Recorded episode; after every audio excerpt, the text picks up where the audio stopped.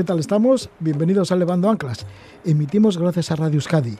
Llamados por las sirenas del puerto que ahí están sonando, pues nos embarcamos en busca de nuevas aventuras.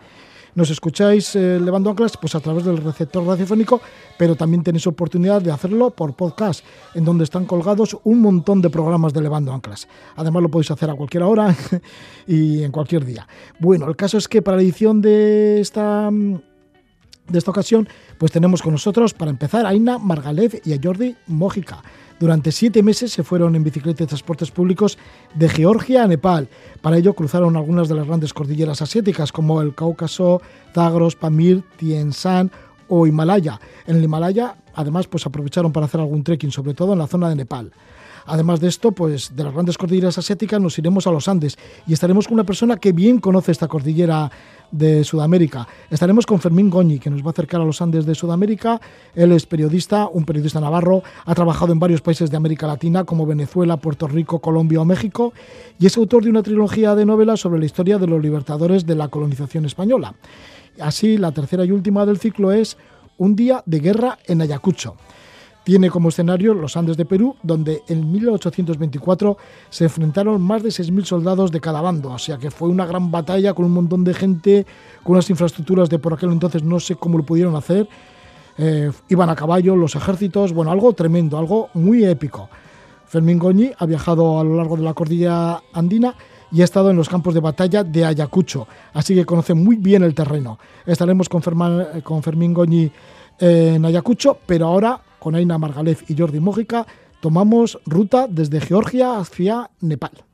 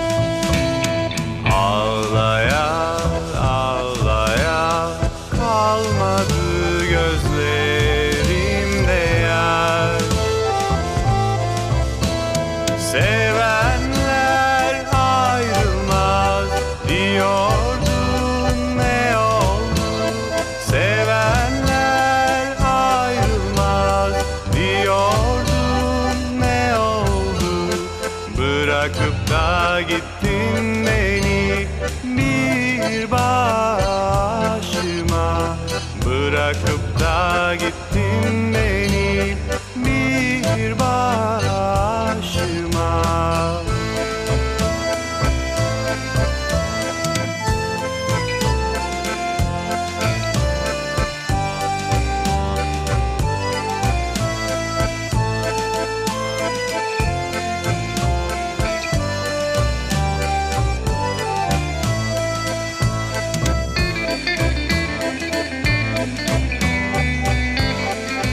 la música de Saint Unser.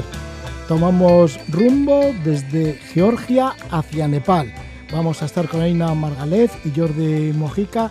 Ellos son de Barcelona, pero viven en la ciudad de Urgels, en el Pirineo, frontera con Andorra, y tuvieron la oportunidad de hacer un viaje de siete meses en bicicleta, 6.300 kilómetros pedaleados, más un mes de trekking por Nepal.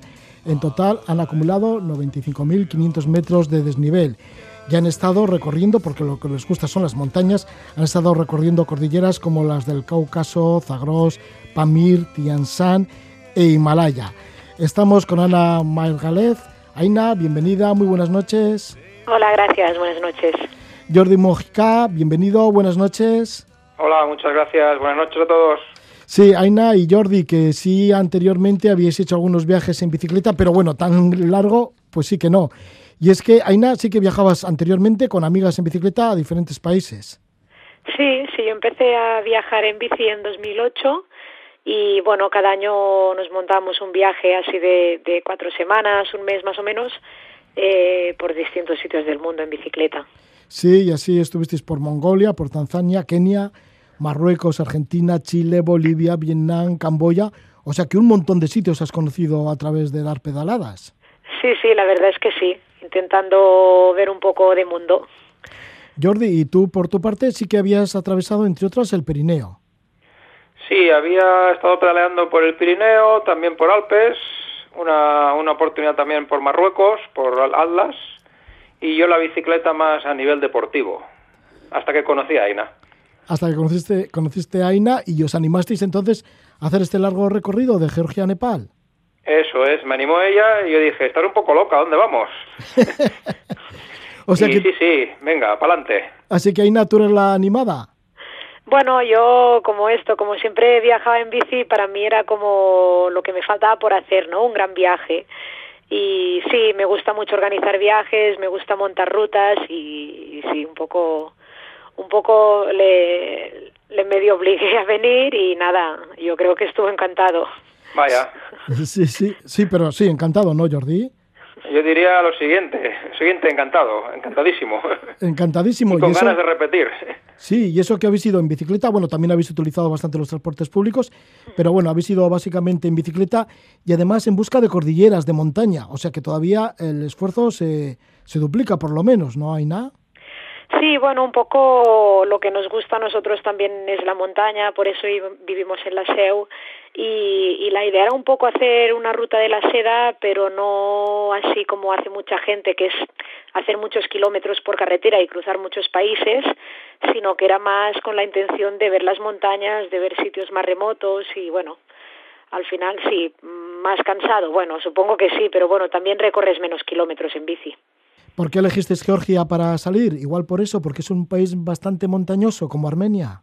Sí, de hecho, bueno, fue un amigo nuestro que hablando un día le, explicamos lo que queríamos hacer y me dijo, oye, ¿por qué no vais? ¿Por qué no empezáis en Georgia que está todo el Cáucaso y es súper bonito? Porque en realidad, ver, el, el Cáucaso tampoco nos venía muy de camino, la parte norte, pero nos habló también y le había gustado tanto a él que dijimos, venga, pues empezamos allí, subimos un poco hacia el norte y luego ya empezamos a bajar hacia el sur, hacia, hacia Armenia.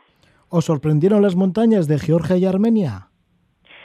Bueno, a mí muchísimo. Yo, bueno, Georgia era, un país que es que nunca en la vida se me hubiera ocurrido ir. O sea, no me llama la atención para nada y en cambio fue una de las grandes sorpresas del viaje. Y Armenia también. Armenia yo me lo esperaba menos montañoso, la verdad. Es, no hay grandes montañas, pero, jolín, era cada día mil metros de desnivel. O sea, ibas cruzando collados y collados y... Sí, sí. Jordi, por esas montañas de Georgia y Armenia hay bastante soledad.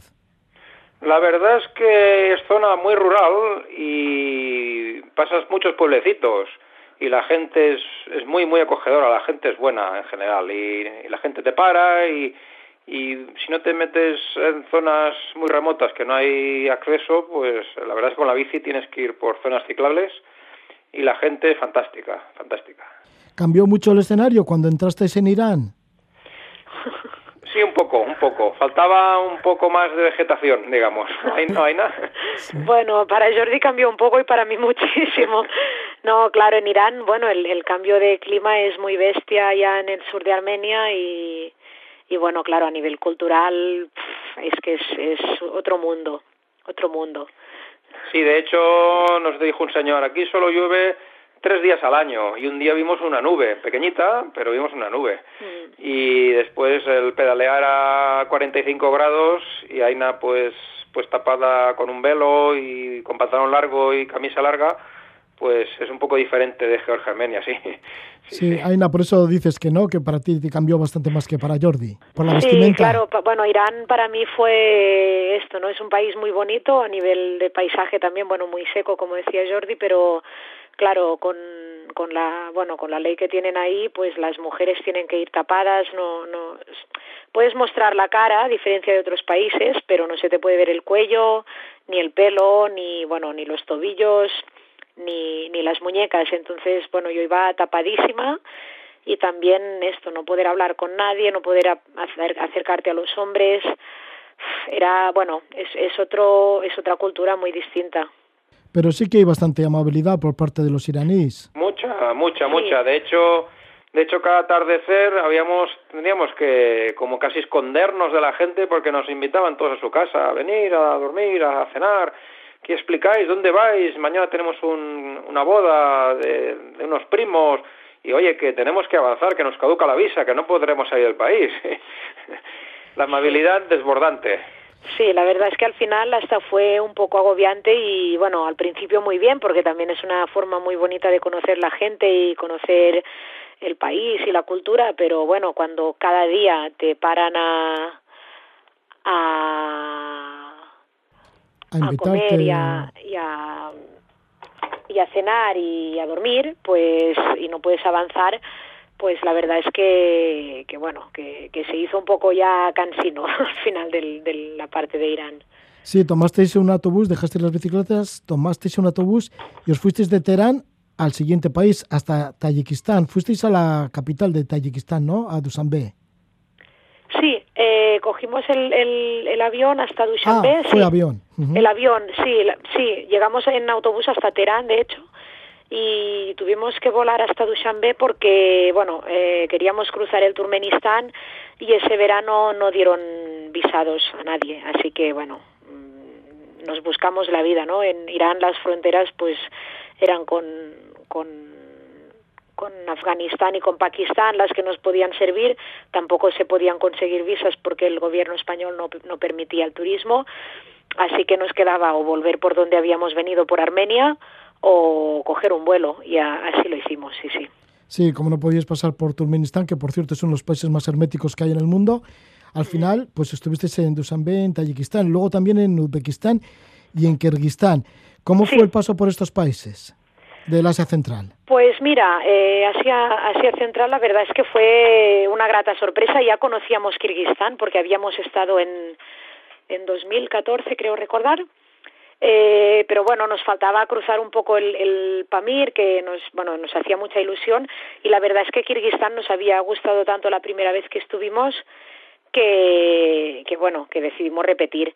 Y sí, bueno, países muy montañosos, con unas culturas también muy interesantes, y bueno, y otra vez pues intentando coger carreteras remotas con, con poca gente. Y sí, súper bonito y súper interesante carreteras remotas con poca gente y no es para menos, ¿no? Porque, bueno, aparte de la soledad del lugar, es porque es difícil. Por ejemplo, mm, andar por la cordillera del Pamir en bicicleta tiene que ser costoso.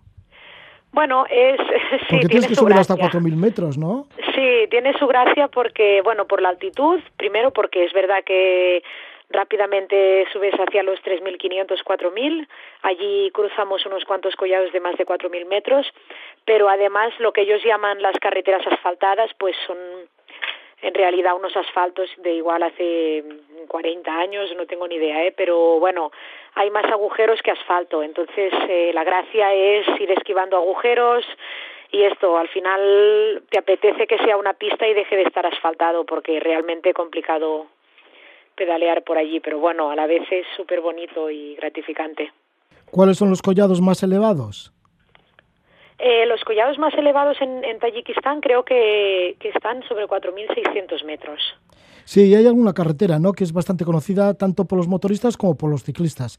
Sí, bueno, es la Pamir Highway, que es la, de hecho, la carretera que une Tayikistán y, y Kirguistán, y es una carretera que cruza todo el Pamir, bueno, el, el altiplano este del Pamir y bueno, eh, la verdad es que es bastante turística en el sentido de que hay, especialmente en verano, pues mucha gente en un sentido y el otro, eh, en bici, en, en moto y a veces hasta con coches alquilados, con 4x4. O sea que es, es bastante habitual. Después de la Pamir Highway ya volasteis para la India, ¿no? Y estuvisteis en la zona del Himalaya. Os fuisteis hacia Ladakh en un vuelo primero a Delhi y de allí de la capital de India a Leh, que es la capital de Ladakh. Que estamos hablando ya del Himalaya, estamos hablando de mucha altura. Sí, sí, claro, allí ya, bueno, veníamos aclimatados por suerte del Tayikistán. Eh, que es la capital del Ladakh, se encuentra a 3.600 metros y es como lo más bajo que hay allí. Y, y de allí pues subiendo. el primer collado que hicimos pues es el segundo collado más, más alto del mundo. Eh, asfaltado y tiene 5.300 metros. Sí, sí. Sí, porque luego además hiciste la carretera de Lea Manali, que ya se baja al pre-Himalaya, pero estuviste también por el valle de Spiti. ¿Cómo es el valle de Spiti? Pues el Valle de Spiti es un valle muy bonito en la parte alta, es, es un valle muy verde, así que recuerda un poco a los Alpes y, y la carretera, bueno, es una pista que no está asfaltada, pero bueno, hay, tramos que se deja hacer mejor y, tramos que se hace peor. Y luego la parte baja del Valle de Spiti mmm, se va cerrando, claro, a medida que vamos bajando en las montañas, la, el valle se hace mucho más abrupto, las laderas son mucho más empinadas y empieza a haber cada vez más población y, y bueno, eh, más tráfico evidentemente, así que bueno, podríamos decir que la primera parte es muy bonita y a medida que íbamos bajando pues cada vez se hacía más complicado todo, circular, dormir, bueno. Jordi, y en cuanto al paisaje bonito y la sensación de estar muy a gusto, ¿qué has preferido? ¿Estar por la zona de Kirguistán, Tayikistán o por la zona de Ladakh? Digo porque son lugares de bastante altura para mí Tayikistán fue como el preludio del, del Ladakh. Tayikistán ya es toda esa desolación desértica, no hay vegetación y cuando llegas al Ladakh para mí es como la apoteosis, es, no sé, estás allá que, piensas, ¿cómo, ¿cómo puede haber aquí personas que se dediquen a lo que se dediquen y pasar y vivir y si estamos, ¿qué parece esto que es la Luna, que es Marte? increíble, increíble enlazasteis Ladakh con Nepal, dejasteis las bicicletas y en Nepal empezasteis a caminar para realizar trekkings. Así es, nos desplazamos hasta Nepal, llegamos a Kathmandú vía tren y autobús, allá depositamos las bicicletas en un hostel, en un hostal, y nos dedicamos un mes y medio a trekkings por la zona de la Valle del Kumbu, hacia el campo base del, Everest, la zona de, del, del Lantán, y la verdad es que, bueno, aquella gente tiene los brazos abiertos siempre. ¿Tuviste problemas allí con el mal de altura? Pues sí, a mí me cogió mal de altura el día que fuimos al campo base del Everest porque quisimos hacer un pequeño eh, un pequeño turón que había ahí como una colina pequeñita, pero claro, eran 5.600 aunque ya veníamos pedaleando por altura y tal, pues ese día nos excedimos un poquito más y ese poquito más me tocó a mí un indicio de edema pulmonar y tuve que hacer reposo y al día siguiente bajar en helicóptero hasta, hasta la capital, hasta Katmandú. O sea que te pasaste mal. Bueno, me ahogaba, me ahogaba y notaba como la sangre corría por las venas a una velocidad anormal, no podía respirar y me dijeron rápido para abajo y bueno, estuve un par de días hospitalizado, todo bien y hasta ahí el susto. Hasta ahí el susto, porque luego volvisteis de nuevo, ¿no? Hicisteis el trekking de Lantang. Sí, hicimos, hicimos el trekking porque pensamos, ahora nos quedan aquí unos días, cuando volveremos eh, hacemos algún tipo de actividad más suave, a más baja altura y aprovechamos todavía los días que nos quedan de vacaciones y fuimos a ver ese valle que realmente nos sorprendió por, por el tipo de vegetación y, y el tipo de, eh, digamos, de, cambio total de, la zona en altura, ¿no? Por, el Valle del Cumbo y, y, bueno, realmente nos quedaron muchas ganas de, de volver y, conocer más cosas. Aina, ¿y cómo es la vegetación de Lantang?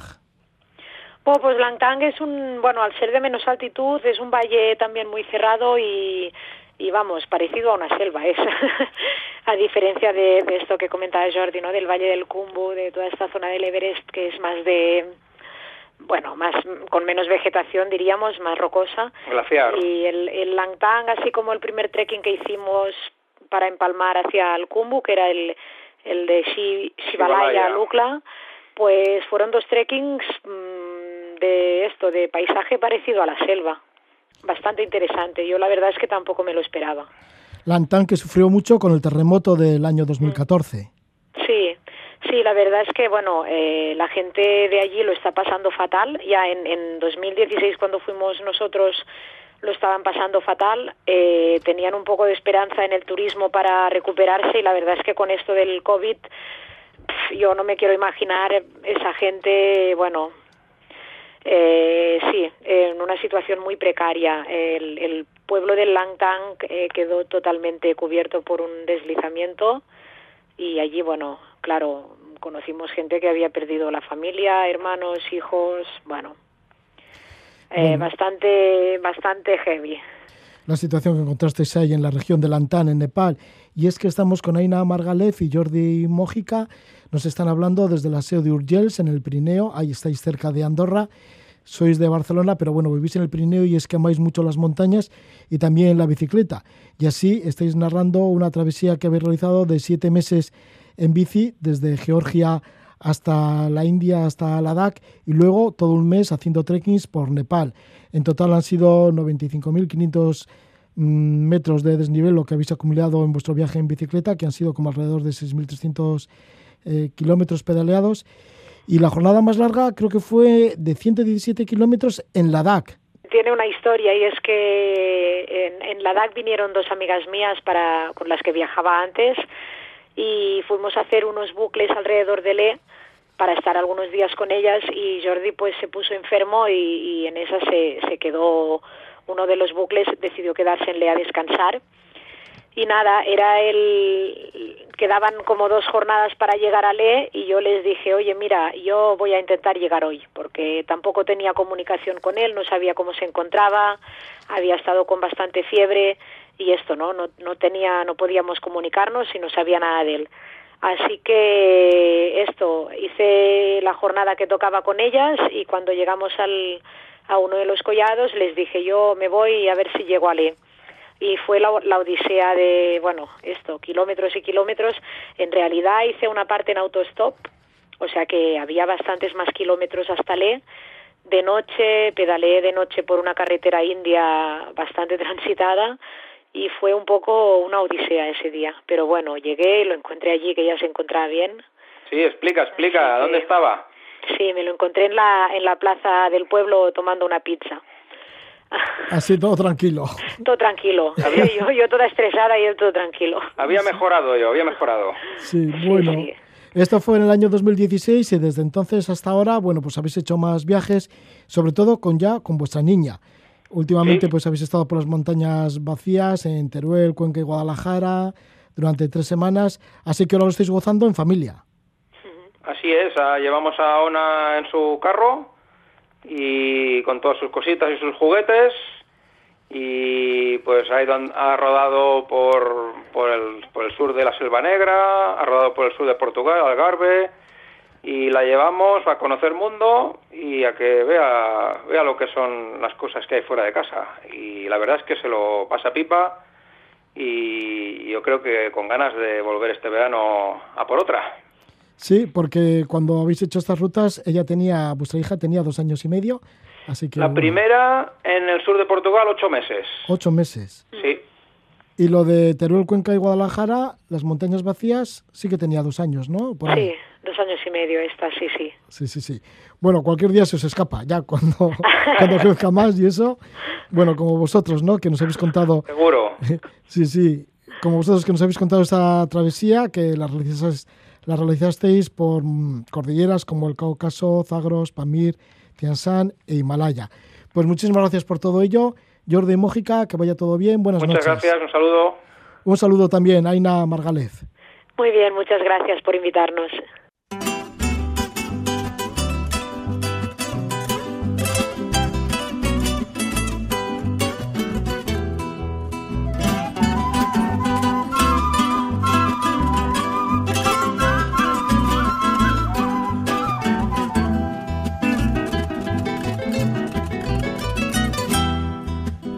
Adiós pueblo de Ayacucho, perlas de ahí, ya me voy, ya me estoy yendo, perlas de ahí.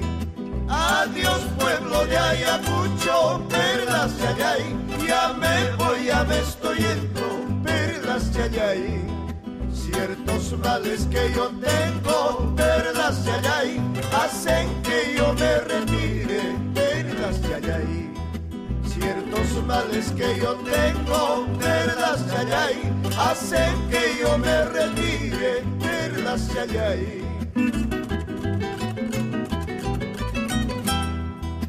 Pajarín, miripuchcani, perlas allá, tuta y tuta, tuta manta, perlas allá. Pajarín, miripuchcani, perlas allá, tuta y tuta, tota manta, perdes de llei. Causes pai ja continuant, perdes de llei. Guanyos pai jamant a miatja, perdes de llei. Causes pai ja continuant, perdes de llei. Guanyos pai jamant a miatja, perdes de.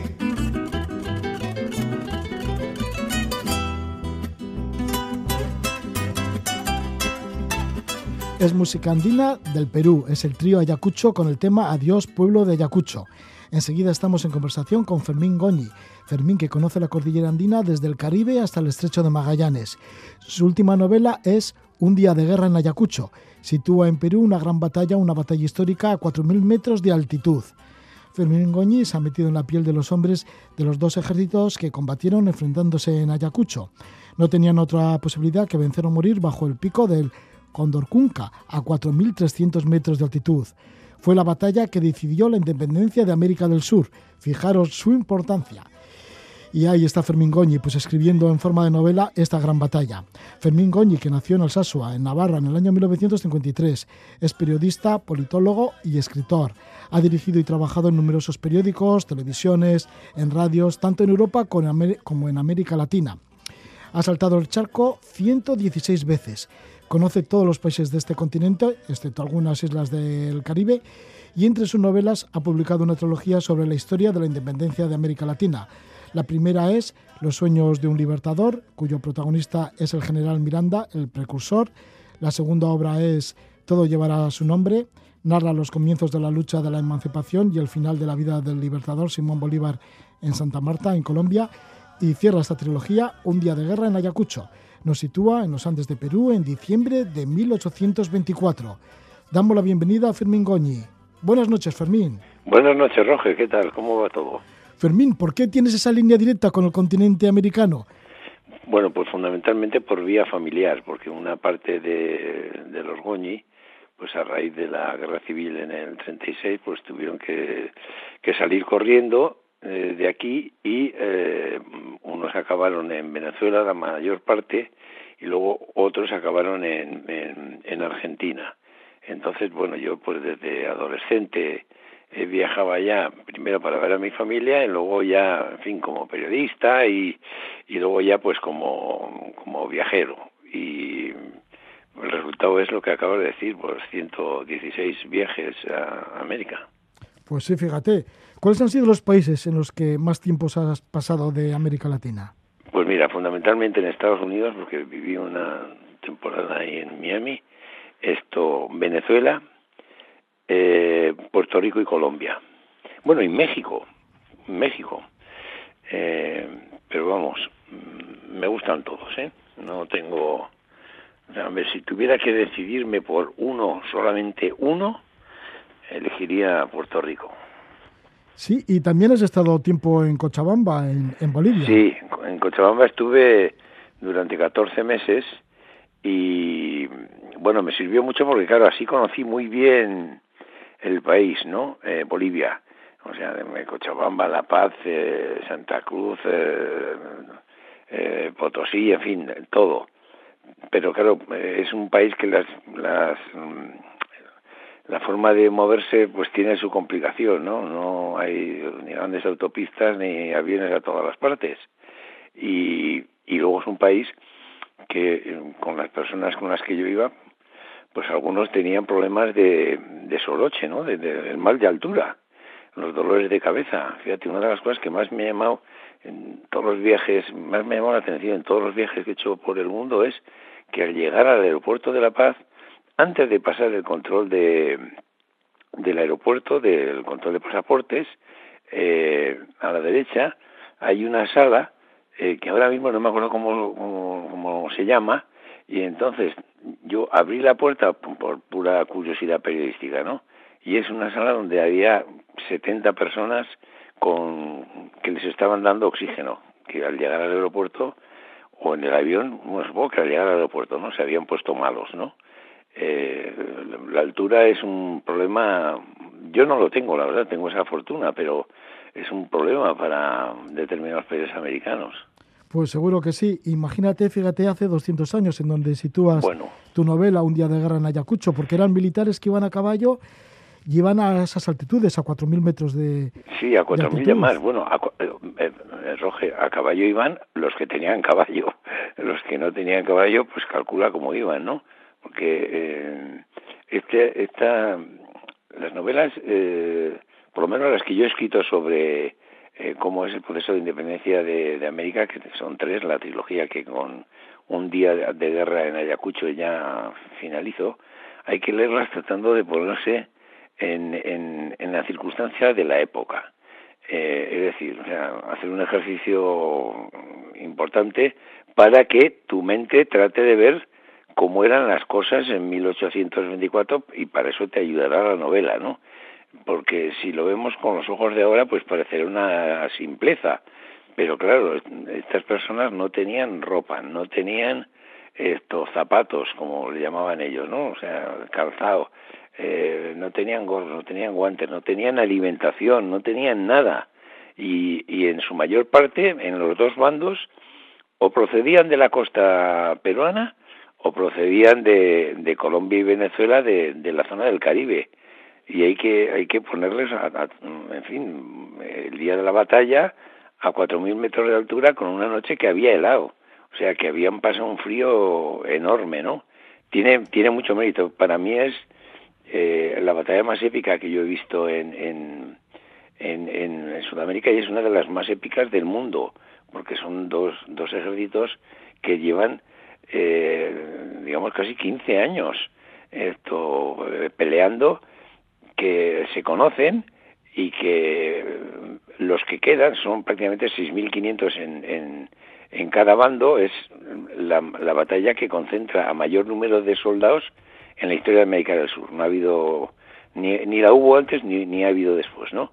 Bueno, pues saben que, como decías tú antes, está sucediendo aquello que Napoleón en la víspera de la batalla de Waterloo les dijo a sus soldados, aquellos que amen Francia, que sepan que ha llegado el momento de, de vencer o morir. Este es el caso clarísimo de lo que pasa en Ayacucho aquel día de diciembre de, de hace casi 200 años, 1824. Sí, y es que Simón Bolívar dijo eso mismo, ¿no? Que Ayacucho fue semejante a Waterloo para los europeos.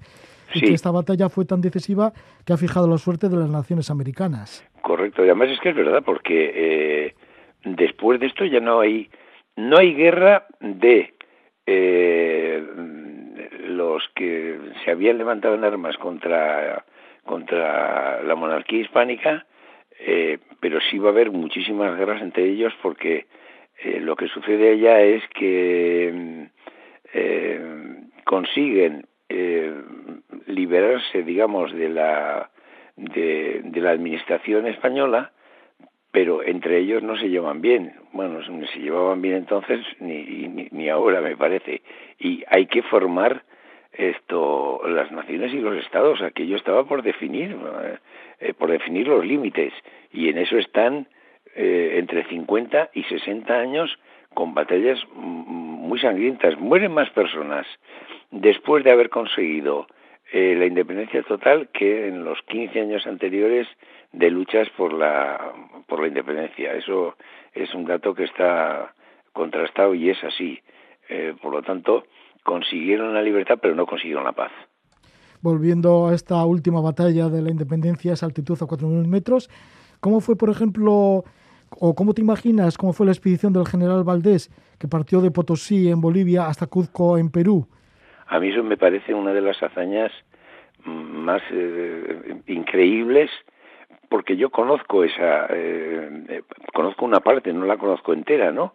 O sea, la he recorrido, quiero decir, y eso me parece increíble que hace, pues eso, 202 años, desde, desde Potosí a, a, Cuzco, que hay casi mil kilómetros por, por esos caminos y los Andes por un lado y los Andes por otro, eh, pudieron hacer aquello en 30 días. Mm, también hay que decir una cosa, prácticamente una tercera parte de los, de, de los soldados que iban en aquella expedición, los soldados y oficiales, ¿no? Murieron, no pudieron aguantar aquello, o sea, en un momento de la novela Valdés lo, lo, el general Valdés que era un era una persona de nacida en Oviedo que le llamaban el, el abogado porque era estaba estudiando el último curso de, leyes, que se llamaba así, o sea, de, de, de derecho ahora, ¿no? Eh, cuando se incorporó al, al, fin, a las partidas, porque no había un ejército formado de lucha contra la invasión francesa, ¿no? Bueno, pues Valdés eh, era una persona de una fortaleza tan extraordinaria que hizo eso. O sea, de en 30 días eh, llevar eh, a, su ejército hasta Cuzco, pero es que el día de la batalla le metieron un tiro en el estómago, no es exactamente en el estómago, en un lateral, no le afectó a, órganos importantes, eh, le vendaron y el, el, tipo aguantó, no es una batalla de larga duración, duró tres horas, ¿no? Pero se la metieron, el tiro se lo llevó en la primera hora y los tiros de entonces no eran las balas de bala con punta, eran otra cosa, era una cosa redonda, ¿no? Eh, bueno, es que la gente que está ahí, para que los que nos escuchen se den una, un, tengan una idea, lo mejor de los dos eh, ejércitos estaban ahí, o sea, eh, por ejemplo, eh, personas que nosotros reconocemos enseguida por el apellido, esto, Espartero y Maroto, ¿eh? por el famoso abrazo de, de Vergara, eh, estaban en, en, en el Perú. Eh, eh, en fin, no estaba Bolívar, sin embargo, Bolívar lo vio todo desde, desde Lima, pero en el ejército suyo había mm, generales que después de, de, de, conseguida la independencia fueron presidentes de bueno, Lamar, que era uno de sus generales, pues fue eh, presidente del Perú. Eh, eh, Sucre, si no lo hubieran asesinado, iba a ser el presidente de, de, de Ecuador, y así muchos, ¿no? Sí, pues ahí estaba ese ejército independentista de Antonio José de Sucre, ya que lo has nombrado, y el ejército realista del virrey José de la Serna, ahí se enfrentaron, ¿no? Sí. ¿Y, ¿Y, qué calamidades debían aguantar estos batallones cuando iban por los Andes? Pues eso, a caballo, durmiendo al raso, algunos de ellos incluso llevaban hasta una imprenta en donde tiraban un periódico. Sí, sí, los dos llevaban, llevaban una imprenta que la llevaban sobre, sobre llamas o vicuñas pero tenían un problema. Eh, llevaban una imprenta donde imprimían, en concreto los, los partidarios de Bolívar, los independentistas, eh, editaban un periódico, entre comillas, que se llamaba El Centinela en Campaña, que tenía un, yo he visto dos ejemplares, tenía un, un, un cuerpo para los titulares enorme, que se leía, porque no hay que olvidar, eh, no, no tenemos que olvidar de que en el año 1824 y en aquella parte de América, bueno, y en la península y en fin, casi todo el mundo, el 90% de la población era analfabeta. Bueno, pues para, en fin, para insuflar ánimo, porque Bolívar dijo una frase que a mí, en fin, me parece eh, tal y como estamos en, en este momento, me parece un prodigio que lo hubiera pensado, ¿no? Decía que la primera de las fuerzas es la opinión pública. Y es verdad, ¿eh? O sea, controla la opinión pública y ya tienes, o sea, es decir, mm, controla los medios de comunicación, que no, ni había ni nada de nada, pero llevaban una, una, unas, eh, bueno, pues eh, máquinas en fin, pues no se puede hablar ni de rotativas ni de nada, o sea, eh, que las llevaban, a, como digo, sobre estos animales, pero tenían un problema, y es que eh, esto, la vicuña, por ejemplo, cuando, que es muy corta de vista, es eh, cuando falta la luz, se queda quieta en el sitio y es más cerca que un mulo, no la pueden mover, se pone de rodillas y aunque lleve 100 kilos encima, de ahí no, no se va a mover. Eran otro de los problemas añadidos que tenía esta, eh, estas personas, ¿no? Luego, claro, no había, eh, o sea, la caballería era muy limitada, la caballería podía ser el 20% de todas las unidades del ejército, el resto pues, tenía que ir andando, y ir andando, o, o, los que iban en mulas, ¿no? Por ejemplo, ir andando, pues es, es un, es, es que es un tormento, porque hay partes en concreto partes que, que, están muy cerca de y que conducen a, a Ayacucho, que eh, donde es difícil mantenerse de pie porque no es tierra, no no es como lajas de, de piedra que cuando pisas pues eso, te, el pino se te sujeta, te vas hacia abajo, ¿no? Valdés, eh, en la novela se cuenta cómo Valdés dice que muchas noches eh, pasaban, eh, las pasaban por supuesto al raso siempre, ¿no? Pero atándose a, ramas o árboles o arbustos, ¿no? Porque no se podían mantener de pie. ¿Cuál es el factor que, que les impulsaba a hacer esto? Primero el convencimiento de lo que estaban haciendo y luego una cosa que yo pongo en valor porque yo no había visto hasta hasta que yo me puse a hacer eh, la novela eh, que se le diera valor y es a, las rabonas. Las rabonas son un grupo de, las había en los dos bandos, ¿eh? Un grupo de, de, personas que eran familiares.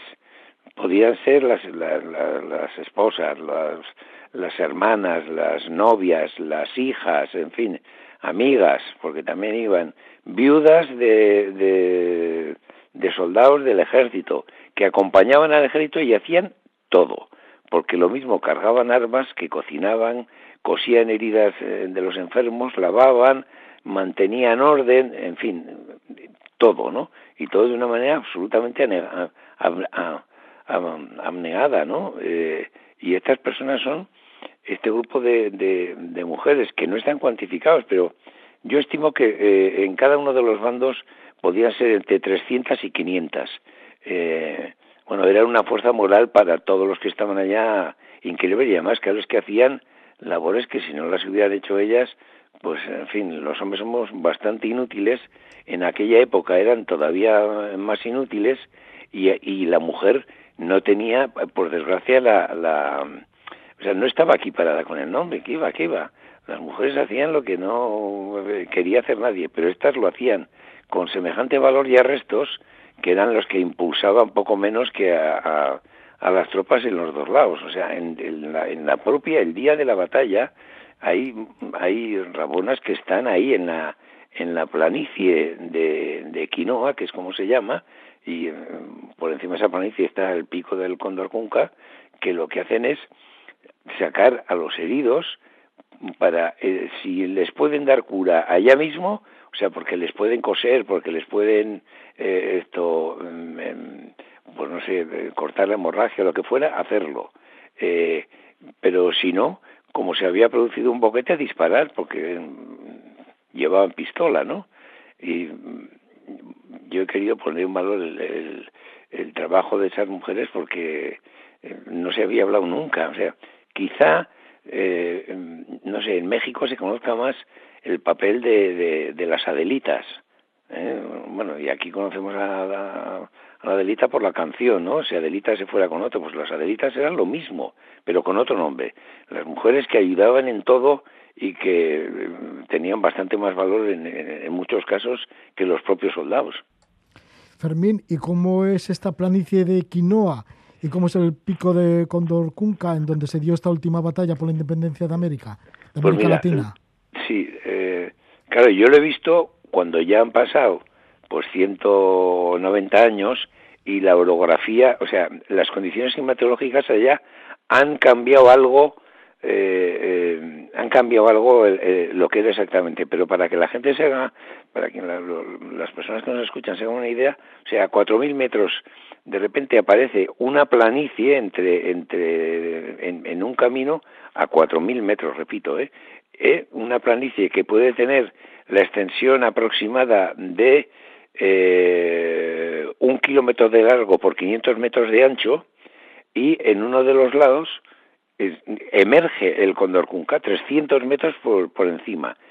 Eh, y en esa planicie lo que no es planicie es barranco y se llama quinoa porque ahí se producía la planta de la quinoa, que un virrey español había mandado erradicarla de todo el Perú porque la, la, la quinoa esto consideraba que el fruto tenía daba unas condiciones de fuerza y de energía eh, que no eran propias para los del lugar eh, por los motivos que fuera, ¿no? Pero sin embargo, claro, la quinoa seguía eh, seguía saliendo porque es, muy difícil de, erradicar. Bueno, pues en esas circunstancias el, ejército del virrey eh, decide colocarse en la parte alta, o sea, en, la cumbre del Cóndor Cunca, y, abajo están en, la planicie, están en formación en una forma eh, prácticamente de arco, están eh, 6.500 soldados, eh, cuyo general en jefe es eh, un, un, un, joven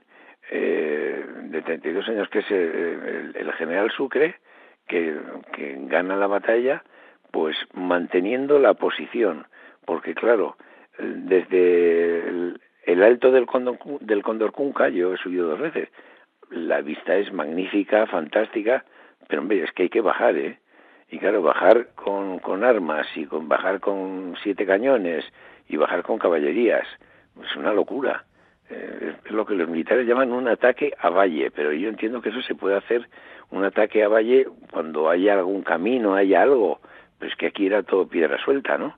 Entonces, parte de, la explicación de por qué esta batalla solo dura tres horas y ganan con tanta soltura eh, las tropas de Sucre es eso, que los, los militares del, del virrey de la Serna es que no se pueden no se pueden mover en condiciones y cuando llegan abajo pues eh, en fin hay varios que ya se han o, muchos que se han roto una pierna o se han roto un brazo eso explica que dure pues pues tres horas nada más y que de todos los cañones no hicieron disparos más que con uno, porque el resto los perdieron por el camino. Fermín, pues fíjate las situaciones ¿no? en las que vas nombrando y describiendo toda esta última batalla, la última batalla de la independencia, un día de guerra en Ayacucho, se llama la novela y estamos con Fermín Goñi. ¿Y mm, cuáles son tus impresiones del actual Ayacucho? Bueno, que por aquel entonces se llamaba Huamanga. Huamanga, Huamanga, sí. Mira, es, era una ciudad pequeña, bueno, en realidad era, un pueblo pequeño, ¿no? Eh, ahora es una ciudad, es una ciudad grande, eh, de más de 100.000 habitantes, eh, que ha ido creciendo en una zona donde eh, la principal industria pues es alfarera y prácticamente turística, porque claro, todo lo que es los Andes, la parte de, del Perú, em, todo es, es turismo porque mm, ¿quién no, a quién no le gustaría ver un día eh, pues no sé, eh, o sea, poder eh, estar en, el, en un punto altísimo eh, de los Andes y ver, si es que prácticamente desde el Perú estás viendo Ecuador o desde Colombia estás viendo Venezuela, ¿no? entonces, claro, pues, en fin, la zona es magnífica, preciosa, pero claro, para el turismo de hoy para lo que hoy llamamos turismo. En aquella época era un, dolor de muelas eh, continuo para la gente que vivía allá porque las condiciones son muy extremas. O sea, eh, los Andes, eh, la mayor parte de los picos de los Andes, desde, desde donde comienzan en Colombia hasta, hasta la Tierra de Fuego, hasta el estrecho de Magallanes, los picos están, están nevados. Tú estás en Santiago de Chile, en la ciudad y ellos no se refieren nunca a los Andes, hablan siempre de la cordillera, ¿no? Y, ves perfectamente la cordillera en el en el en, el verano suyo con los picos helados, o sea, los picos blancos, quiero decir, con nieve, porque claro, los Andes tiene picos de casi 7.000 metros en, en, algunos casos, ¿no? Fermín, ¿y tú conoces parte de la cordillera, de la cordillera andina? Sí, sí, la conozco, pero mm, claro que la conozco, pero bueno, la conozco de arriba abajo, porque la conozco desde donde comienza hasta donde acaba. Pero yo no soy esto un escalador ni nada de esto. O sea, yo he ido a los sitios donde se puede acceder eh, con medios mecánicos, ¿eh? quiero decir, con, coche o con, o con, tren, por ejemplo, para poder ver eh, la ciudad Machu Picchu. Pues sí, que Machu Picchu seguramente mm, es como especial, ¿no? Seguro que hay alguna energía ¿Qué te causó sensación? Sí, de los sitios del mundo que, que conozco es el que más me impresionó y el que yo ahí noté, como dicen en Argentina, una vibra, ¿no? O sea, yo noté algo, o notamos, notamos algo, no sabemos lo que. Eh, y me da la sensación de que los que decidieron hacer lo que hicieron, aquellas casas muy rudimentarias eh, allá, eh, pues los indios, quiero decir, eh, lo hicieron por eso también, ¿no? Porque contaron que aquella parte pues tenía, en fin, aparte de una religiosidad y lo que quieras, pues tenía unas condiciones que, en fin, como que eh, la, la Pachamama te, te transmite energía, ¿no? Sí, algo que te eleva, algo espiritual. ¿Verdad? Sí, sí. Bueno, pues estamos con Fermín Goñi, como él dice, pues conoce toda la cordillera andina. Fermín Goñi, que ha cruzado como 116 veces al continente americano, ha trabajado allí también como periodista, hay que decir también que es licenciado en ciencias políticas y escritor. Tiene una trilogía sobre las guerras de la independencia en América Latina, la última de las cuales lleva el título de Un día de guerra en Ayacucho. Nos está hablando de este día de guerra en Ayacucho que se celebró allá por diciembre de 1824. Le damos las gracias a Firmin Goñi, que desde Iruña, desde Pamplona, pues esté con nosotros para presentarnos esta novela que le edita el Fondo de Cultura Económica. Muchísimas gracias, Fermín Goñi. Gracias, gracias a ti, Roger. Gracias.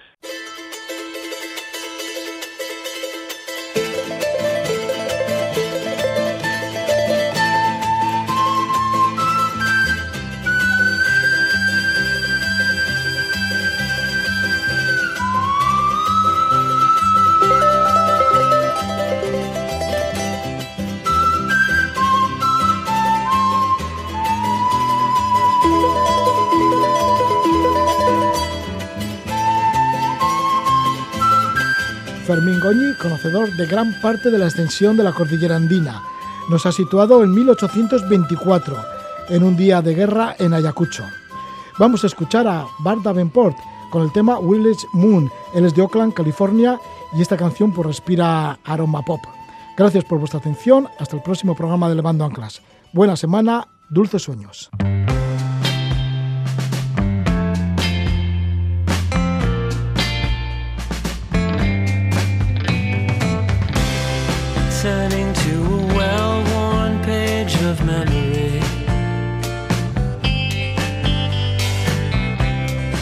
Pictures still sing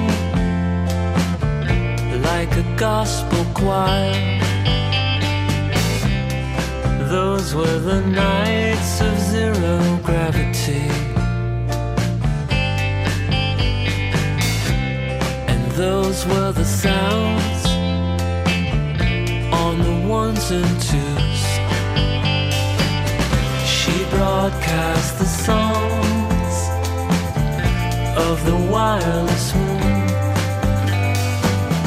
She broadcast the songs from the wild blue. Once I held a song in my heart too long. I called up the station, and the station said record she played was by Green on Red. It was a time of colorful thinking. I tried to paint a portrait. Oh, it was a shade too bright. She broadcast the songs of the wireless moon. She broadcast the songs